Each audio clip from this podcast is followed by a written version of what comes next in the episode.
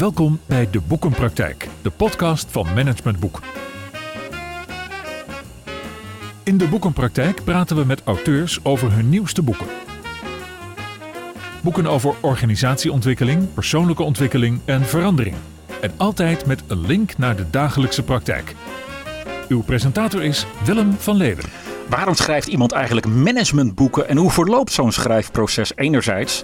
En tegen welke mogelijke dilemma's loop je als auteur aan anderzijds? In deze speciale aflevering van de Boekenpraktijk gunnen we onszelf een kijkje in de keuken van het schrijven van een managementboek. Het schrijfproces dus. In plaats van dat we het boek aan zich belichten. En dat doen we met Andor de Rooij. Andor is expert op het terrein van leiderschap en moed. En over dat thema, moed dus, schreef hij zijn eerste managementboek uit 2014 volgens mij. Tevens is Andor een sparringpartner voor bestuurders, leiders en managementteams. En hij is bezig nu met het schrijven van zijn tweede managementboek met de titel Kalmte. Welkom Andor, fijn dat je mijn gast wilt zijn. Dankjewel. Ja, het schrijfproces, daar gaan we het over hebben. De auteur achter het boek en de manier waarop zo'n boek tot stand komt. Wat maakt eigenlijk dat je op een dag besluit, ik ga een managementboek schrijven? Ja, dat is eigenlijk bijna alleen maar ontstaan in mijn praktijk. Mm uit interesse. Ik coach dagelijks leiders en het, bijvoorbeeld bij Moed was een aanleiding om het boek te schrijven dat ik me erover verbaasde dat leiders uh, ja, misschien makkelijk praten, maar moeilijker doen. Mhm. En dat we dat denk ik allemaal wel doen, denk niet alleen leiders. Ja. En, uh, ja, en op het moment dat ik dat dan ontdek, dan probeer ik dat ook te begrijpen, hoe dat komt. Ja. En zo ben ik ook begonnen met moed destijds. Ja. En, en wat is dan het moment dat je zegt, ik ga het opschrijven? Ja, dat is eigenlijk het moment dat ik het ga ordenen. Ik ga lezen, ik ga proberen te begrijpen. Mhm. en, en uiteindelijk is het eind daarvan bijna altijd iets wat ik opschrijf. Dus het begint, als ik je goed begrijp, met dat je er zelf heel nieuwsgierig naar bent. En ja. dat je, dat je alles, alles gaat verzamelen in je hoofd en in je, in je ja, wat is het, in je informatievoorziening. Ja. Om maar te kijken, wat, wat, wat, wat kan ik hier nog meer over te weten komen. En dan heb je zoiets van, de wereld moet het ook weten? Of? Ja, iets van zendingsdrang zit er misschien stiekem ook wel in. Ja. Dus het de wereld laten weten. Kijk, op het moment dat ik dan ontdek dat ik denk, ik kan daar iets aan bijdragen. En dat mhm. kan ook wezenlijk zijn. Dat is het moment, denk ik, dat ik dan besluit of besloot op dat moment, het zou een boek kunnen worden. Ja. ja. We hebben ook al even voorgesproken en in het voorgesprek zei jij iets heel opvallends, vond ik. Ik quote je even. Ik schrijf boeken om mijn eigen vak overbodig te maken. Ja. Hey, dat vind ik interessant. Ja, je begint direct bij de kern van het verhaal. Ja, laten we dat maar doen. Hè? Ja, ja um, nou ja, ik, als, je, als je naar mijn wereld kijkt, ik, ben coach. Er zijn natuurlijk heel veel coaches. Uh, er zijn heel veel mensen die coaches, of die, die leiders begeleiden. Leiders worden natuurlijk ook van alle kanten geïnformeerd over leiderschap en wat daar beter in kan. En uh, stiekem vraag ik me wel eens af, is daar niet een overkill aan aandacht voor? Mhm. en, uh, en als je kijkt naar de onderwerpen waarover ik schrijf, vind ik het wel mooi om onderwerpen te vinden waarvan ik het vermoeden heb, want ik weet natuurlijk niet of dat zo is, waarvan ik het vermoeden heb dat als leiders die op zouden pakken, dat ze op een heleboel andere gebieden uh, zelf alleen verder zouden kunnen. Oké, ja. Ik heb er een woord voor bedacht, maar ik weet niet of dat passend is voor nu. Dat heet maturiteitsthema's, eigenlijk volwassenheidsthema's. Ja. Dus hoe volwassener iemand is, hoe zelfstandiger die is, hoe minder support die misschien ook nodig heeft. Ja, ja. Dus, dus dat veronderstelt wel dat iemand dat boek dan tot zich gaat nemen. Ja. En eigenlijk door het boek te lezen, en vooral dat, dat, dat vraagt ook om toepasbaarheid, denk ik. Hè? Niet alleen maar omlezen, maar ook echt wel er iets mee te gaan doen. Ja. Zeg je eigenlijk dat maakte de coach in mij overbodig. Ja. Ja, ja. mooi. Ja. Zullen we gewoon even beginnen met, uh, met uh, Huizen de Rooi, zeg maar. Er is op een gegeven moment een uh, intentie van jou om het boek Moed te gaan schrijven. Ja. Misschien even toch, um, waar gaat dat boek over? Ja, over moed, maar kun je er iets meer uh, over Bedoel je moed of kanten? Nee, moed. moed. Het moed. boek. Ja, in, in, de kern gaat moeten, wat ik net zeg, van... Uh, ik, ik, denk dat mensen, en, en, daar hoor ik zelf ook bij, hè, dus ik, ik wil daar niet een positie in nemen van ik weet hoe het zit en zelf doe ik het perfect. Maar wat ik merk, dat in de kern gaat het erover dat we, denk ik, vaak dingen in ons hoofd hebben die we willen doen, dat we er ook over hebben dat we er veel energie in steken om dat te plannen, om dat uit te werken, om dat te bedenken, om de doelstellingen bij te pakken. Maar uiteindelijk gaat het natuurlijk, zeker in leiderschapsposities, om acteren. Ja. Om ook uh, ergens in te gaan. Ja. En, en ik denk dat, uh, dat, dat veel dingen niet gebeuren, omdat daar een remming in komt. Ja. En zeker in leiderschapsposities heb je dan volgens mij vaker met risico's te maken. En het is natuurlijk zonde als je door een ervaren risico laat remmen om iets niet te doen. Ja, en, en uh, dat is wel in de kern waar moed volgens mij over gaat. Het begrijpen van wat remt je, Maar ook het begrijpen, wat kan je doen om te zorgen dat je het wel doet. Ja, Het gaat eigenlijk over acteren. oké. Ja, van En- intentie naar doen eigenlijk. Dat is vooral waar het over gaat. Ja. En moed vraagt het dan vooral ook om dan een beetje uit je comfortzone te komen. Dus ook dingen te doen die, die je gepland hebt en die ook verder gaan dan dat je misschien Ja. zou durven of zo. Is dat wat je zegt? Of? Ja, maar ook te begrijpen waarom je het niet durft. Mm. En wat er bij jou intern gebeurt, in je eigen ja, hoofd, geest, lichaam, lijf, waar dan ook, wat er intern gebeurt waardoor je het niet doet. Ja, ja. Dus het boek is niet alleen maar eh, een boek op gedragsniveau, maar ook een beetje op overtuigingsniveau. Ja. Wat er in je hoofd gebeurt, even zo plat gezegd. Ja. Ja.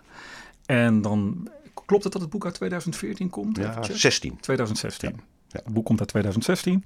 Hoe lang heb je over dat boek gedaan? Ja, weet je, eh, ik denk dat ik er echt door drie, vier jaar aan geschreven heb. Hm. Als het niet langer is. En, en bij mij bestaat het schrijven uit twee fases. Een researchfase als het ware. Echt gewoon Ja. de leuke fase. Waarin ik er plezier in heb en wat inspirerend is. En eh, daarna een transpiratiefase. En, en dat is het schrijven zelf. Dat is gewoon aan het werk gaan en zorgen dat het op papier komt. Mhm. En ik heb die researchfase redelijk rap gedaan. Omdat het leuk is en makkelijk gaat. En, en met iedereen erover hebben. Dat, Mhm. dat is een aanlooptijd. En het echte schrijven ben ik denk ik eh, anderhalf jaar mee bezig geweest. Oké, oké. Nou, zullen we die, die researchfase en die Ja. eh, transpiratiefase, nee, hoe noemde je dat nou? Eh, transpiratie. Ja, inspiratie, transpiratie. Ja, inspiratie, Ja. transpiratiefase. Zullen we die gewoon eens even nu gaan, gaan leggen op de actualiteit? Want je, noemt het woord al kalmte. Ehm, want na het boek Moed uit 2016 komt er een nieuw boek. En dat boek heet Kalmte. Ja. En je bent er inmiddels ook achter dat je eh, niet een tweede, maar ook een derde boek mag gaan schrijven. Want je wil een Ja. trilogie schrijven. Ja, klopt. Neem ons even mee in die gedachtegang, als je Ja. wil. Ehm, ja, moed gaat over acteren, zei ik net al. Mhm. Dus dat is eh, doen. Eh, en ik zei net ook al een heel klein beetje ehm, dat het doen vraagt ook om reflectie. Dus moed vraagt om reflectie, om begrijpen wat je remt. En het vraagt ook om snappen wat je kan doen om dat je het wel gaat doen. Eh, en ik denk dat kalmte gaat over de binnenkant. Dat gaat over reflectie, begrijpen waarom je iets niet doet. Maar dan een meer psychologisch niveau. Ja, Ik heb ook wel als ondertitel nog gehad psychologie van leiderschap. Of eh, psychologie van de moed. ja. En eh, dus kalmte gaat om het reflecteren erop. Mhm. En liefde, ja, dat, is- dat is... Liefde is het derde boek, hè? Liefde, oh sorry. Ja? Ja? liefde is het derde boek. Ja, dat is de trilogie ook. Dat is, eh, nou laten we weer of zeven jaar verder denken. Hè? Dus Mhm. dat is eh, dan, dan 2030 zo'n beetje, denk ik. Dat gaat over waar je de moed vandaan haalt. Oké. En eh, ja, dat, dat is een, een veelomvattender thema nog. Dus want- wat geeft je moed? Ja, ja. Maar kan je daar iets meer over zeggen waar je de moed vandaan hebt? Ik zei wel oké, maar is dat iets, iets, zit dat meer op bewustzijnsniveau? Of wat, wat is dat dan? Of, of... Ja, maar ik moet nog beginnen. Hè? nee, ik zit er. Eigenlijk ben ik er ook al wel mee bezig geweest. Nou ja, wat ik ontdekte toen ik moed schreef, is dat eh, je kunt je focussen op je angst en op de spanning en op de risico's. Je kunt ook goed nadenken, waar doe je het voor? Mhm. En, en eh, moedmotief. Wat is nou het motief waarvan, van, waarvanuit je moed toont? En ik denk dat, als je het spiritueler zou verwoorden, eh, dat liefde misschien wel de ultieme moed is. Ja. Of dat, dat vanuit liefde ultieme moed voorkomt. En dat kan liefde zijn voor een persoon, maar het kan ook liefde zijn voor een goed doel. Ja. Of voor een, eh, voor een mooie jezelf. organisatie, of voor jezelf, zelf, Ja. zelfcompassie in zekere zin. Ja. Ja. Ja. De- vandaar liefde. ja. Ehm, je bent nu wel bezig met het tweede boek, hè? Kalmte. Wanneer moet dat uitkomen ongeveer? Eh, deze zomer. Deze of zomer 23. Ja. Ja. Ja. Hoe lang ben je al aan het schrijven? Ja, weer drie, vier jaar. wel. Drie, vier jaar. Ja. Ehm, Mijn leek eh, verstand zegt onmiddellijk, wat duurt dat lang? Ja, Eh, waarom- dus ik ga hem toch even zo vragen. Wat maakt dat dat zo lang duurt? nou, ik denk dat ik aan de trage kant ben. Laat ik daarmee beginnen. Dus ik ben niet iemand die, eh, die veel eh, dagen achter elkaar schrijft. Dus ik, ik heb meer diezelfde die tweedeling gemaakt. Mhm. Het eh, inspiratie zoeken. Ik had ook wel even wat tijd nodig na het vorige boek, merkte ik. En hoe, Van- hoe van- werkt dat? Ja? Eh, Je Ja. zegt, ik heb tijd nodig. Kan je daar iets meer over zeggen? Want dat vind ik wel interessant. Je hebt een boek af. Nou, dan gebeurt Ja. er van alles. Gaan we zo nog even naar kijken. Maar heb je dan ook, moet je dan ook even tot rust komen voordat je aan een tweede boek kunt beginnen? Het is niet zo dat je de week daarna gelijk weer achter je Nee. laptop kan gaan zitten. Nee, nee, ik niet in ieder geval. Nee. Nee. Nou ja, daar zit wel een correlatie, denk ik, tussen, tussen eerste en tweede boek. En ook wat je me nu vraagt. Of het verband. En eh, kijk, bij, bij Moed, dat, eh, dat liep best goed. En daar werd ik ook wel door verrast. En toen ben ik ook wel een paar jaar meer bezig geweest met andere dingen. Dus, Mhm. dus met eh, meer lezingen en meer workshops op het thema Moed. En, en daar liep ik wat in vast. Omdat ik dacht, ja, dit, dit blijf ik niet doen. En toen Mhm. ben ik weer echt teruggegaan naar mijn praktijk. Want dat is denk ik waar mijn hart ligt. Dat Ja. bedoel ik mijn leiderschapspraktijk. Ja, Het, het, het begeleiden van mensen. ja. En, eh, na, en, en na een paar jaar gaat het dan weer kriebelen. Hmm. Dus dit, dit duurde echt wel even voordat ik daar weer zin in had. En wat gaat er dan kriebelen? Ja, en dat is volgens mij waarom ik schrijf. Hè? Dat Ja? gaat kriebelen. Nou, dat ik erachter kwam. Ten eerste dat ik, eh, dat ik moed nog niet af had. Dus dat ik dacht, er moet meer zijn. Hè? Ik moet die diepgang er nog in aanbrengen. Er kan nog veel meer diepgang in. En eh, dan ga ik zoeken, wat is die diepgang dan? Ja. En, eh, en, en dan gaat het kriebelen, want dan word ik weer nieuwsgierig. Hè? Dan denk ik van, hoe komt het nou?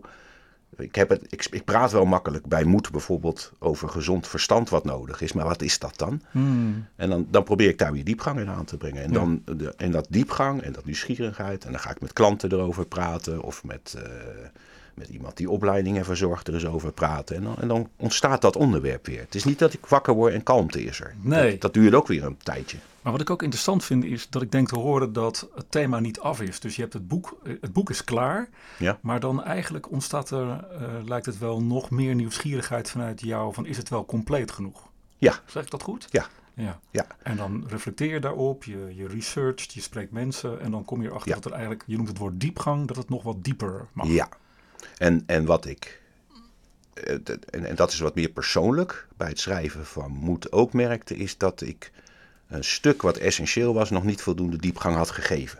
En welk stuk was dat? Eh, dat is het stuk wat meer gaat over de psychologie van de moed. Mhm. Ik denk dat ik bij moed erin geslaagd ben om het thema te agenderen. Dus dat je voelt, oké, ik moet moediger zijn. Maar dat wil nog niet zeggen dat ik genoeg handvaten heb gegeven om te onderzoeken wat er in je eigen psyche gebeurt als het om moed gaat. Hmm. En, en, en dat, die diepgang had ik niet bereikt in het boek. Oké, Nee, oké. Dat speelde ook een rol. Ja. Ja. En er, eigenlijk is dat streven naar diepgang volgens mij ook nooit af. Nee, ik vrees van niet. en dat is ook wel een van de moeilijke dingen natuurlijk. Hè? Ja? Dat je, nou ja, je kan blijven schrijven wat dat betreft. Ja. En, Ja. en, eh, en het is nooit af en het is ook nooit kloppend. En, en dat moet ik bij het schrijven wel. eh, dat heb ik moeten leren, daar word ik beter in. Maar ik heb wel wat moeten loslaten als het gaat om het vinden van een heilige graal. Hè. Het is maar mijn waarheid, meer Hmm. is het niet. En, en ik probeer waarheden van anderen te vinden. En daar probeer ik mijn weg in te vinden. En daar probeer ik iets van te maken waar iemand die leiding geeft hopelijk wat aan heeft. Maar ik, ik wil niet zeggen dat ik nu de waarheid heb eh, Ja. gedefinieerd met dit boek. Misschien is dat een mooi bruggetje naar de eerste stelling. Oké. Die luidt als volgt. Als je een managementboek hebt geschreven, dan doe je er pas echt toe als adviseur en trainer. Want dan word je gezien als de expert van het thema waarover je hebt geschreven. Eens of oneens? Ik denk dat het eh, misschien wel zo overkomt, maar niet zo is. Dat hoorde ik al een beetje in het vorige antwoord. Ja. Je kan het enorm relativeren zelf. Ja, dat denk ik wel. Ja. Ja. ja. Ja. Is in die zin het schrijven van een managementboek ook een beetje een hype? Ja, vind ik. eh, is wel een van de dingen die me ook heeft geremd soms in het schrijven. Eh, het voelt wel soms als een hype. Mhm. En het voelt soms ook wel als makkelijk. Hm. En, eh, maar daar heb ik niet alleen bij het schrijven van een boek last van. Dat heb ik ook bij mijn werk last van. Hè? Dat is dus niet iets wat alleen met boeken te maken heeft. Maar wat ik lastig vind is dat je. Dat het wel een. We zitten wel in een tijd. Ik moet even nadenken hoe ik dit Ja. zorgvuldig formuleer. Ja. We zitten best in een periode, denk ik, en ik noem dat voor mezelf zijlijnisme. Waarin er heel veel mensen aan de zijkant staan en iets vinden en niet de verantwoordelijkheid dragen. Mhm. En ik heb te maken met een doelgroep die verantwoordelijkheid draagt. Ja. Mensen die leiding geven. En Ja. als ik iets ontdekt heb in mijn werk, is A, ik zal dat nooit kunnen. En B, ik heb er heel veel respect voor als iemand dat kan. ja. En, eh, en het, het vergt veel van mensen. Jij positioneert je dus ook aan die zijlijn. Nou, ik ben per definitie een zijlijnist. Ja. Hè? Ik, ik, ik draag die verantwoordelijkheid niet, ik praat. Eh, en ik kan heel makkelijk adviesjes geven. En ik kan Maar heel ook als auteur ben je nog steeds die zijlijn is. Ja, Ja. in feite wel. Ja. Ja. in feite zit ik niet in de werkelijkheid. Ik, ik, ik trek me terug in de kamer, ik schrijf. En ik Mhm. schrijf wat ik zie en ik schrijf wat ik daarbij ervaar. En wat ik denk dat een oplossing is. Maar ik ben het niet. Mhm. Ik ben niet verantwoordelijk. ja. En, en, ik die, die- en, en, en als ik maatschappelijk kijk, zie ik wel een tendens met veel meer zijlijnisme en steeds minder mensen die verantwoordelijkheid nemen. En dat vind ik een moeilijke tendens. En dat is ook bij het schrijven soms lastig. Letterlijk, hoe schrijf je een zin op? Mhm. Op het moment dat ik schrijf van eh, je moet dit doen, want dan gebeurt er dat. Ja, dat, kan bijna niet. Weet Nee. je. Wie ben ik om dat te zeggen? ja. Dus dat is, een, dat is wel een moeilijk stuk Ja. van het schrijven van een boek in het algemeen, maar ook specifiek hoe, schrijf ik het, hoe krijg ik het op papier. Wat betekent dat dan voor je stijl? Want je zegt, dan wil ik het niet te directief opschrijven. Hoe dan wel? Ja, dat weet ik zelf eigenlijk niet. Ik denk dat ik merk ook wel, en dan kom ik echt op het schrijven, hè, letterlijk achter je laptopje zitten en kloppen. Ik moet de geest hebben. Dus ik moet een goede geest hebben van schrijven, waarin ik dat even niet te veel voel. Hè? Eh, en ik denk dat ik probeer te schrijven met zelf ook met enige relativering van mijn eigen positie. En ook niet te, eh, te dominant vanuit een weten, Oh ja. maar Ja. meer vanuit een vraag. Ja. Eh, en, en wat ik bij kalmte heb bedacht daarop, is dat ik het, en dat heeft ook wel met het onderwerp te maken, bij, bij kalmte hanteer ik het begrip gewetensvraag voor mezelf. Mhm. En dat helpt mij dan. Hè? Mhm. Dat- dan- ik vertel niet hoe het zit, ik vertel ook niet zo moet je het doen, maar ik probeer met gewetensvragen iemand aan het denken te zetten. Ja. En als dat geslaagd is, ben ik al tevreden. Ah, dus eigenlijk is het een soort van bevragen waardoor je het bewustzijn bij de lezer stimuleert. Ja. Ja. Wat ik denk ik op mijn werk ook probeer. Ja. Dat is ook Maar- hoe ik mijn vak voor een deel eh, doe natuurlijk. Ja, toch hè, want daar zei je net al iets over. De spin-off van het publiceren van zo'n boek, dat had je ook al bij Moed uit 2016, is dat je geconfronteerd wordt met misschien wel een dilemma dan. Namelijk het geven van veel lezingen Mhm. en spreekbeurten. Daar word je dus op het podium gehesen als een soort van expert die ons Ja. gaat vertellen als publiek hoe het in elkaar zit. Ja. Hoe ben je daarmee omgegaan? Nou, het was niet een van de gelukkigere periodes in mijn leven. Eh, en dat kwam daar natuurlijk vol terecht in het circus wat ging over eh, je weet hoe het zit. Eh, ik heb daar wel een weg in gevonden, maar ik ben na een jaar of drie heb ik dat wel volledig afgebouwd. Hm. Dan ben ik weer helemaal teruggegaan naar mijn praktijk. En, en waar ik achter kwam is dat ik eigenlijk twee dingen. Ik, ik kreeg eigenlijk te veel werkdruk van Mhm. omdat ik veel te veel precisie en veel te veel tijd in stopte. En dacht in voorbereiding dat te kunnen onderbouwen. Maar uiteindelijk was het natuurlijk not my cup of tea Nee, om het op die manier te doen. nee. Nee. nee. Ehm, Maar misschien, ja. ja, ik zit te denken of ik daarmee je vraag voldoende beantwoord. Ja, je, je, je vertaalt hem vrij tactisch. tijd was. Ja, praktisch. Ja. Praktisch of Ja, ja, tactisch. je, je, je, je beantwoordt hem vrij praktisch. Ja, Maar het gaat mij natuurlijk om iets anders. Het gaat om het wezen van een auteur zijn die als in een soort van rol van expert wordt neergezet. Terwijl je net Ja. aangaf, ik ben een zeilenist. ja, ja. Dus dat, die, dat dilemma Ja. natuurlijk eigenlijk iets meer uit, uitbouwen ja, met je. ja, dat snap ik. En daar zit ik nu nog steeds in natuurlijk. En wat ik er nu zelf op bedenk, en dat, dat doe ik, realiseer ik me, terwijl we erover praten, realiseer ik me, dat ik eigenlijk steeds meer probeer zo te schrijven alsof ik mijn werk aan het doen ben. Oh ja. En dat is, mijn werk is niet lezingen geven. Mijn Nee. werk is natuurlijk mensen begeleiden in een bepaalde rol met verantwoordelijkheid. En ik probeer steeds meer ook bij het schrijven vanuit dat perspectief te denken. En niet van, En hoe werkt dat dan? Want je zit dan toch thuis achter je laptop. Ja. Eh, dus je staat niet voor een groep of bent niet met een groep in interactie. Nee. En daar ben je toch, probeer je toch, zeg maar, eh, laten we zeggen, dat, dat, die, werksfeer te kopiëren naar het schrijfproces. ja, Hoe, eigenlijk hoe wel. doe je dat? Ja, nou ja, wat ik nu bijvoorbeeld doe is dat ik eh, in mijn coachingsgesprekken eh, me veel bewuster ben van wat ik ook aan het schrijven ben. Dus ik, ik kan veel beter daarmee ook. eh, je- soms is bijna bij het schrijven nu. Ik had het net over die gewetensvragen. Soms heb ik bijna bij het schrijven dat ik in gesprek ben met iemand Oh ja. bij het schrijven. ja. Dus dat ik bijna die, die vragen ook zo in mijn hoofd heb. Zou ik deze vraag zo? Zie je stellen. daar ook bepaalde klanten ook echt voor je? Soms wel. Ja, ja. Ik heb bij Kant, eh, en dat is, dat is wel boeiend, bij Kant heb ik. Ja, het is- als je mensen vraagt naar voorbeelden van moed, dan komen ze altijd met hele rijtjes. Hè, daar hebben we allemaal een beeld bij, bij moed. En als je mensen vraagt naar voorbeelden van kalmte, is dat veel moeilijker. ja, ja. En, en dat komt volgens mij omdat kalmte iets is wat helemaal binnen zit. Ja. Wat je lang niet altijd hoeft te Wat zien. abstracter. Denk ik. Wat abstracter. Het is een gemoedstoestand, hè? het is geen gedrag. En het tweede is dat ik, eh, of, daarvoor bedoel ik, ik ben zelf ook gaan nadenken, wie vind ik nou kalm? En ik kwam in mijn praktijk, dat is misschien teleurstellend voor degene uit mijn praktijk die nu luisteren, maar het, het, het waren er maar een stuk of vier, Ja. die, die in mijn plaatje passen. Dus het is ook zegt- een streven, hè? je moet ergens naartoe. ja. En, en waar lees je dat dan af? Wat, wat heb je dan, hoe typeer je dan iemand die kalm is? Ja, nou, dat, dat, dat kun je niet echt zo definiëren volgens Hm. mij. Hm. Volgens mij weet iemand dat zelf vooral. Ja, ja. Hè, Iemand kan nerveus overkomen en toch deadly kalm zijn. We zitten ja. nu bijvoorbeeld in de tijd van 2K. ja. Een van de mensen die ik vreemd genoeg voor ogen heb als kalm is Louis van Gaal. Ja. Nou ja, die ook komt niet altijd kalm over. Hm. Hè? Maar ik denk wel, als ik hem zou definiëren langs de lijn van wat ik nu aan het beschrijven Nou, ben, dat, dat, je een heel eind komt. Doe dat eens even. Wat, wat, wat maakt dat je hem dan toch definieert als kalm? Nou, zeker in, is hij opgelijnd. Maar nu, nu trap ik trouwens wel eh, redelijk rap in een valkuil waarvan ik altijd zeg, dat moet je niet doen. Oh, Je moet het niet hebben over voorbeelden van kalmte. Want Ja. voor het weet zit je het over een ander te hebben, terwijl het over jezelf gaat. Hè? Maar, eh, het geeft iets meer inkleuring Ja. van het begrip kalmte ja, in termen maar, van... maar, maar dan met de disclaimer nu van, ik zie hem niet als voorbeeld van kalmte. Het Mhm. is bedoeld meer om te laten zien hoe, hoe, hoe binnenwereld en buitenwereld kunnen verschillen. En mijn vermoeden, laat ik het dan helemaal mooi nuanceren, om niet te Silenistisch te worden, zeg maar. Mhm. Maar mijn vermoeden is dat Louis van Gaal naar buiten toe best onrustig en dynamisch kan overkomen. Maar naar binnen toe behoorlijk opgelijnd is.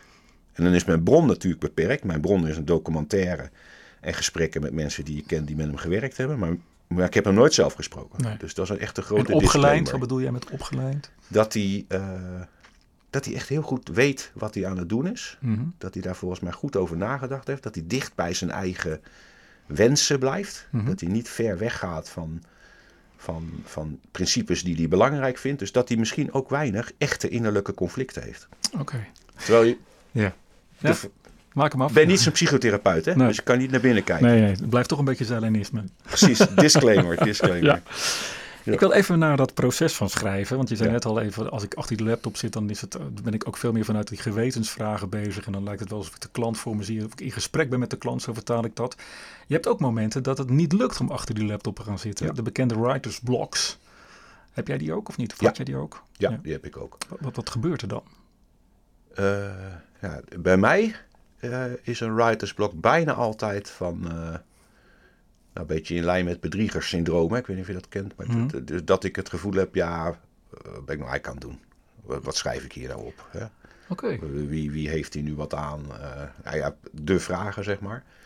En eh, dat, dat is denk ik de belangrijkste bij mij. Dus bij mij. Bij mij is het altijd een psychisch proces. Dus niet een tijdsproces, of, eh, maar bijna altijd een proces van twijfelen. Van, eh, ik kan het wel opschrijven, maar het is wel heel makkelijk, hè? Zulke eh, gevoelens. Ja, ja. Ja, die zijn meer Beetje psychisch vanuit- Doorgetrokken Zelenisme is dat eigenlijk. Dat je het, eh, Ja. ja. Nou ja, het is wel dezelfde. Het zit wel in hetzelfde spectrum, denk ik, ja. ja. Ja. En dan, hoe kom je daar dan weer uit? Ja, doorgaan. Toch doorgaan. Ja, wel doorgaan. En, en, eh, en, en, en, en ook wel. Ja, toevallig ben ik vorige week geweest schrijven. En toen kwam ik eruit door. Door, door, door weer te gaan schrijven over stukken waar ik mijn senang in voel. Want ook in dit boek heb ik stukken waarvan ik voel, hier ben ik echt expert in. En ik heb wat te melden. En ik heb stukken waarvan ik denk, nou, we gaan nu een beetje langs de zijkant. eh, van weet ik hoe dit zit of schrijf ik maar wat. En die haal ik er nu uit. En dat scheelt ook. Dus ik ga dichter aan zitten waar ik ook echt voel, dit is ter zake. Dit, dit is echt de moeite waard. Als ik het een Dus beetje... via de inhoud ook wel. ja, Zo Als ik een beetje vanuit de rol van advocaat van de duivel probeer te typeren, zeg je eigenlijk: ik ben dan in mijn schrijfproces ook iets aan mezelf aan het bewijzen. Ja, dat denk ik wel. Ja. Dus je gaat goed, eh, ik bedoel dat ik bewijs naar de wereld dat ik iets weet. Ja. Ja, ja dat denk ik wel. Mhm. Ja. En op het moment dat dat voor jou klopt, dan Ja. gaat het schrijfproces beter. Ja, en Dan als loopt het minder bij je vandaan. Ja, ja, en als het niet klopt, ga ik me een beetje verrader. Hè? Wat is Silenisme, een beetje verraad. Een beetje van, ja, maar weet je dit nou wel? En ik kan wel een voorbeeldje geven, want... eh, kijk, Kant, hè? Daar hebben we het niet over gehad, maar mijn achtergrond is psycholoog. Mhm. En dat betekent dat ik cognitief georiënteerd ben. Ik zul denken en voelen. En, eh, en mijn vrouw is bijvoorbeeld eh yogadocent. Ja. En via haar ben ik de laatste, nou ik denk wel acht jaar, eigenlijk vlak na, na, na moed, eh, begonnen met het hele verkennen van de yoga-traditie, van de asana's, van chakra's, maar ook lessen volgen, meditaties doen. Iets waar ik niet voor open stond Hmm. eh, daarvoor, eh, denk ik als ik terugkijk. Daar ben ik gaan doen en ik denk ook, kalmte heeft ook te maken met deze filosofie, heeft ook te maken met deze technieken als Ja. meditatie.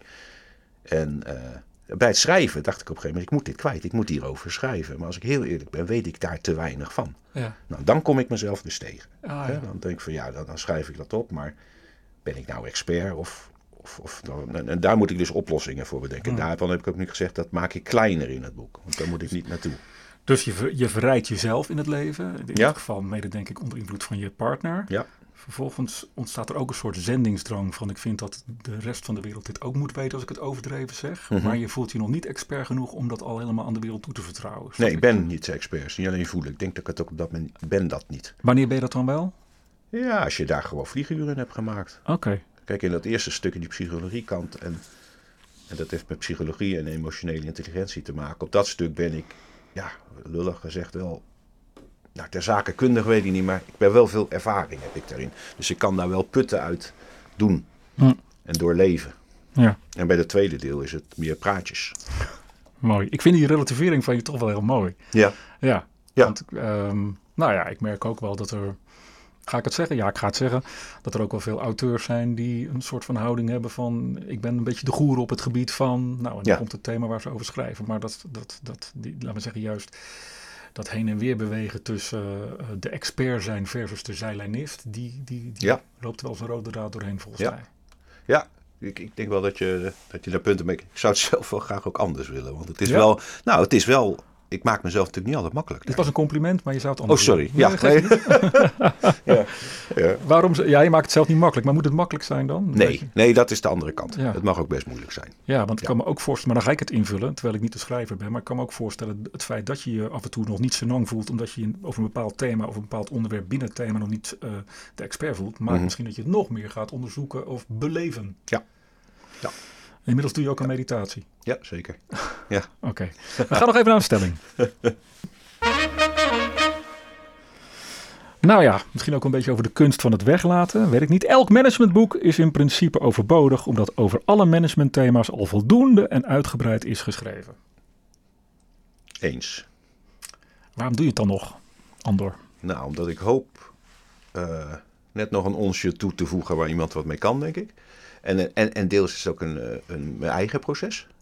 Ik, ik, ik eh, groei hier ook wel in, want ik schrijf niet alleen voor de markt, merk ik. Oh ja. Maar ook wel omdat ik met dit boek heel veel meer diepgang kan aanbrengen in mijn coachingsgesprekken. Dat ik net weer nieuwe invalshoeken kan pakken. Ja. Dat ik, eh, daar kan ik ook vertrouwen uitputten. Van, van oké, dit, dit zou ik ook nog kunnen doen hè, als interventie. Het is een soort ordening van je eigen repertoire Ja. ook. Ja, het voegt ook. eh mijn, mijn, ik kom mijn partner weer. Ze is ook belangrijk hoor. Maar, maar Ja. zij zegt wel eens van je volgt geen trainingen, maar jij schrijft boeken.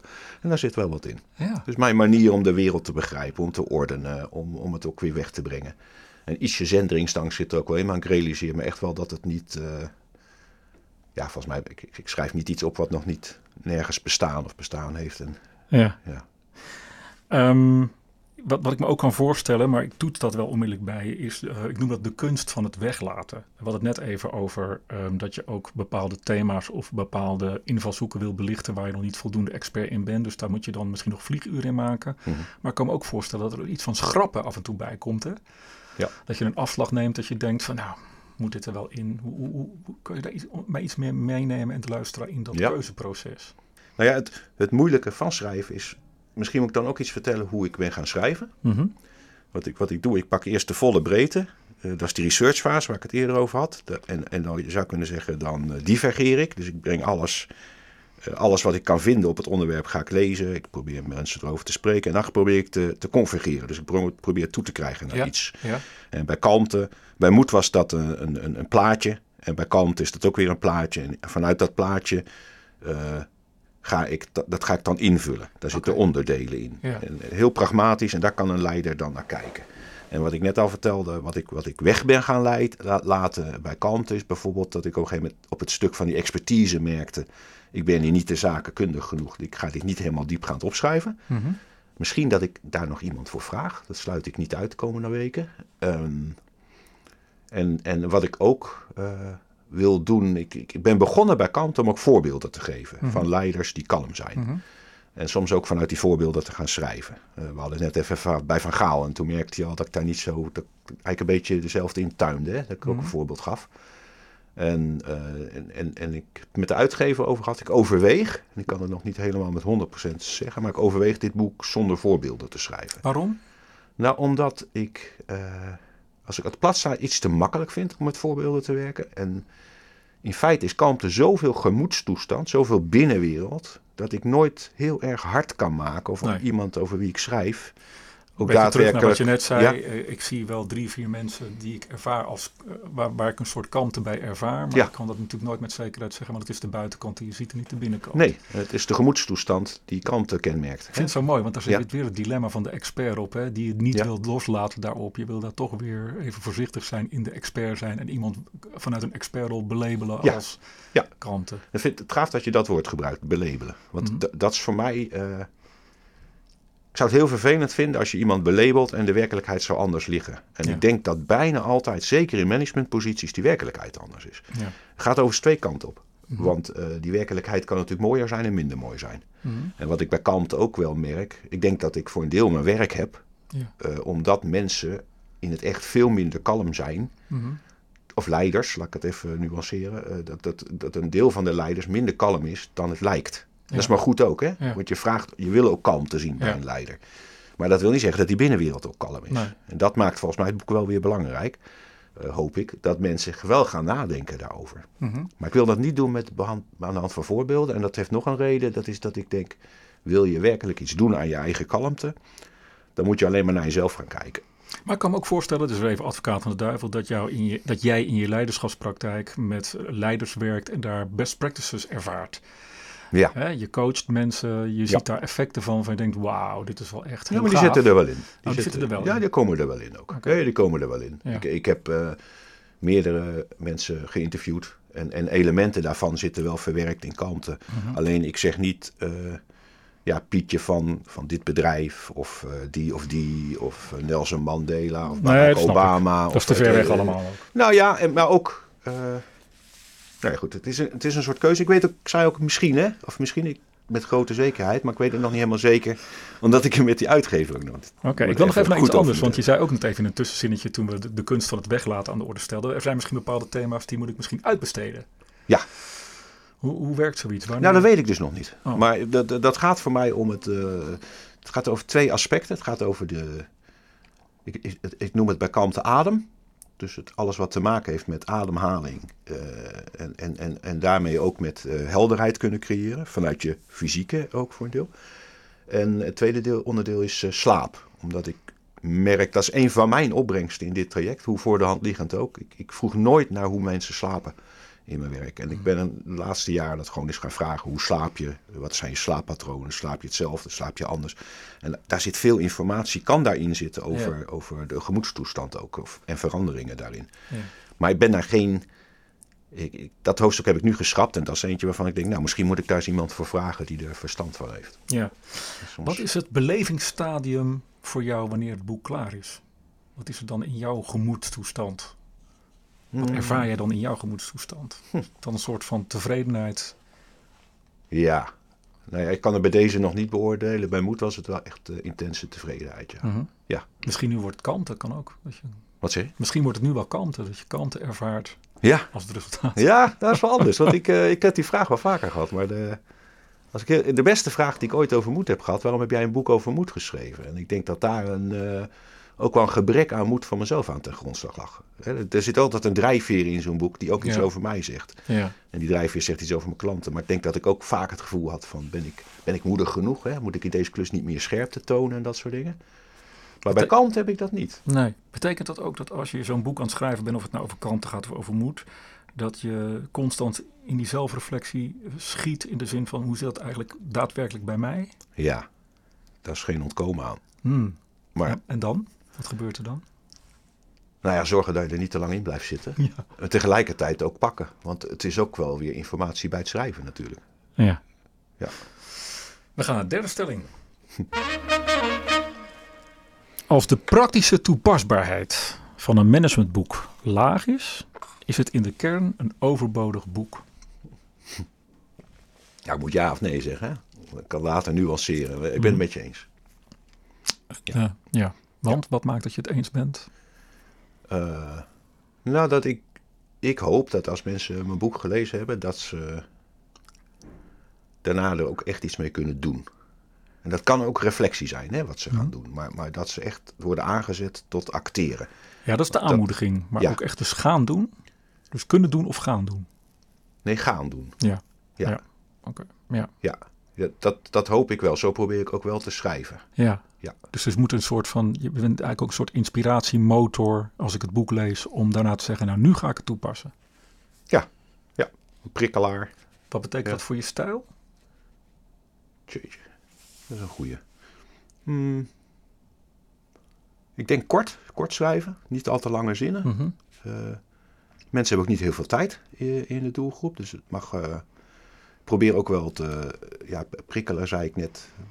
Maar ook wel te... Misschien... Misschien veel zeggen, maar ook wel confronteren. Vind ik wel belangrijk. Omdat het allebei moet kanten, liefde iets minder. Zijn, zijn niet per definitie leuke onderwerpen. Mhm. En eh, probeer dan ook wel bij het schrijven mensen concreet die confrontatie te laten aangaan. En dinsdag las mijn eh, uitgever mijn tweede versie. En die koppelt ook terug van, eh, nou, ik vond het een moeilijk boek. En dat vond ik eigenlijk wel een compliment. Oké. Dus het is ook niet per definitie makkelijk. Probeer En wel, moeilijk in de zin van, Nou ja, als je er echt over na gaat denken, is het geen leuk onderwerp. nee, Nee, Kant is ook niet heel leuk. nee, Het is niet dat je zegt, nou ik ga een heel leuk boek lezen. nee. Maar dat, dat ga ik ook niet uit de weg. veel sexier natuurlijk. Hè? Dat Nee, maar het is ook geen leuk boek.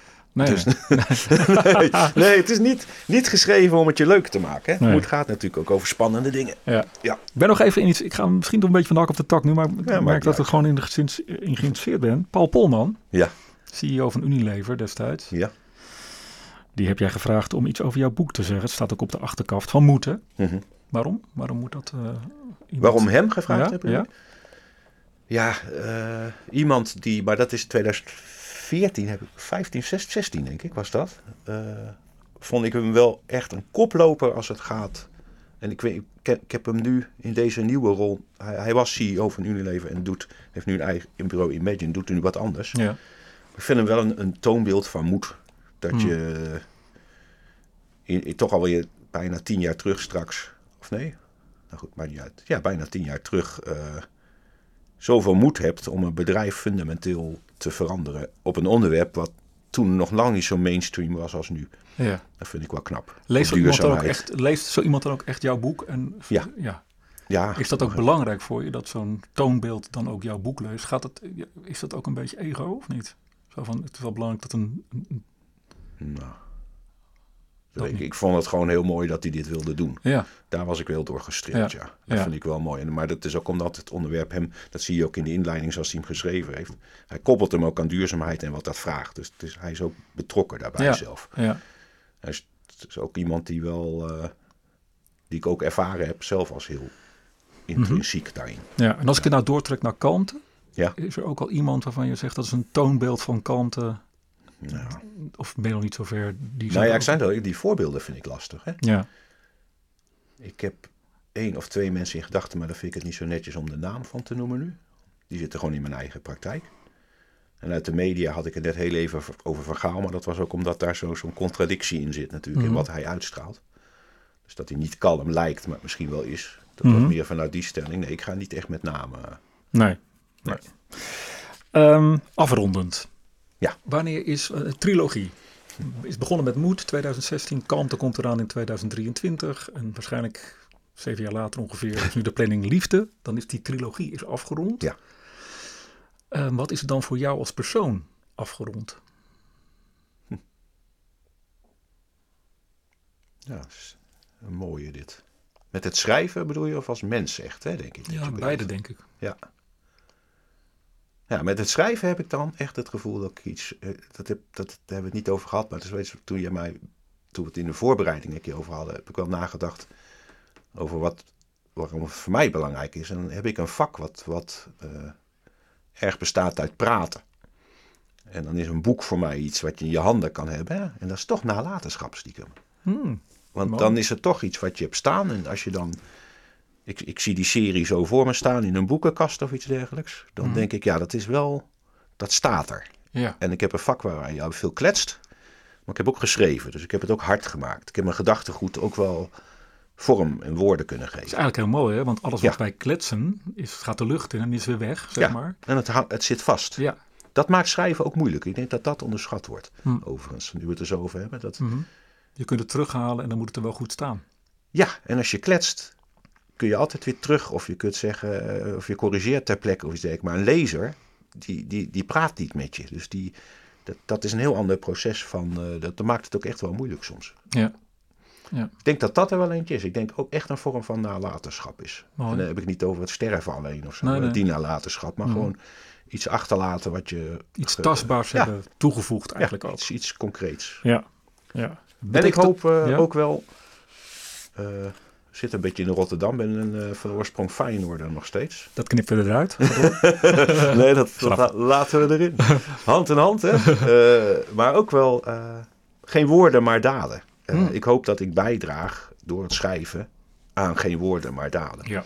En, en, en ik heb ergens in Kamp ook opgeschreven, mijn, mijn missie is geslaagd als iemand na het lezen gewoon alleen maar al gaat nadenken over zijn eigen kant en iets kalmer wordt, waardoor die organisatie verder komt, dan is, mijn, ja, dan, dan, dan is er iets gebeurd. Dan heeft hij iets gaan doen. Dat zit toch in die toepasbaarheid. Ja, Ja. ja, ja dat moet Ja. echt wel eh, niet Mooi. te academisch. Nee. Nee. Dankjewel. Graag Vind je gedaan. het goed om het hierbij te laten? Prima, Ja? dankjewel. Dit, dit, eh, dit gesprek eh, over het schrijfproces, ik, ja, ik vond het heel inspirerend. Ik, vind, ja, ik merk dat ik het heel mooi vind omdat jij mij en dus ons als luisteraar ook een kijkje gunt in wie jij bent. Zeg maar. Je brengt Ja. jezelf heel erg mee in het schrijfproces. Dat doet natuurlijk elke auteur, maar ik vind dat je er heel Mhm. open en eerlijk over bent. Dat, vind ik, dat maakt het eh, voor mij een prettig gesprek. Dankjewel. Ik verwijs jou als luisteraar van deze podcast weer graag naar de volgende aflevering. Ja, die gaat over twee weken gewoon weer online. En daarin spreken we dan weer met een auteur over zijn of haar opmerkelijk recent verschenen managementboek. En dan zullen we de praktijk of de, de, inhoud van dat managementboek plotten op eh, actuele casus uit de praktijk. Rest mij je hartelijk te danken weer voor het luisteren van deze speciale podcast over het schrijfproces. Bij vragen, opmerkingen of suggesties, mail dat naar info.managementboek.nl. Tot zover de praktijk van boeken. Kijk voor meer afleveringen of een abonnement op de boekenpraktijk op managementboek.nl/slash podcast. Je vindt ons ook op Spotify, Apple Podcast, Google Podcast en Soundcloud. Hartelijk dank voor het luisteren en graag tot de volgende podcast.